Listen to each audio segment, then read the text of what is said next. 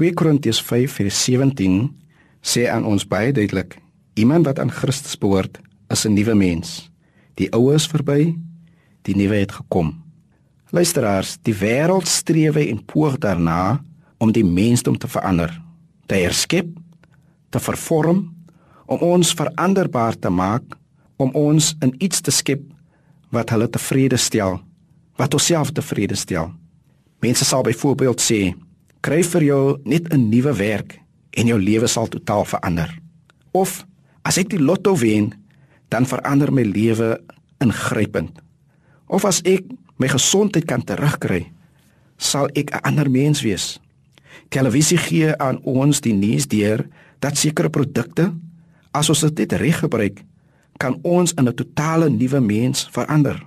Ander reken as hulle net verlief kan raak op die regte persoon, sal dit 'n permanente verandering in hul lewens meebring. As hy net 'n kans in die lewe kry, sal dit 'n heel nuwe mens van hom maak. Sal seep dalk die werk doen om 'n mens te verander. Liedjieskrywers wil liedjies gebruik om mense voorstelle te maak om te verander. Die vraag bly dan: Is daar dan enige een of enige program of enige soort oortuiging wat mense ten goeie tot die beter sal verander? Wat kan mense nuut maak? Wie kan mense se denkpatrone verander? Hulle ywer en toewyding gee om te smag na reg en geregtigheid?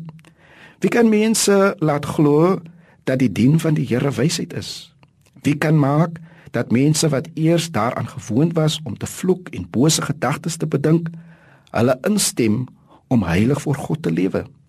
Wie kan maak dat mense selfs al wag 'n groep hongerleeu's hulle nie kan sien om voor 'n koning te buig nie, maar vasbly in dit wat hulle glo? Wie kan iemand so standvastig maak dat hy nie ingee vir versoekings as Potifar se vrou haarself op 'n skinkbord aanbied nie? Wie kan maak dat 'n ryk man besluit om sy rykdom wat hy weet oneerlik bekom het, terug te gee van wie hy dit geneem het? Wie kan maak dat 'n vrou wat in trane was, 'n geskenk wat sy gevind het, naamlik haar kind weer aan die Here teruggee? Wie maak dat 'n man vir mense wat hom met klippe besig is om seer te maak, sodat dit tot sy dood lei, kan uitroep: Vader, vergeef hulle. Wie kry dit reg om een van jou slawe wat weg geloop het, terug in diens te neem en dan vir hom my broer te noem? Wie dek vir mense tafel in die woestyn en help dat jy geloof bly om te weet dit sal môre en oormôre weer kan gebeur? Wie verander en transformeer en omskep ons?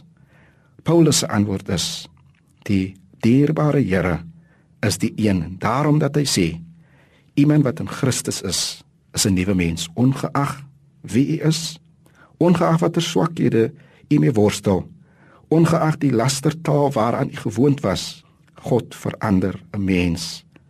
Ongeag slegte gedagtes slegte mense by die Here kan ons almal die beter mens word. Amen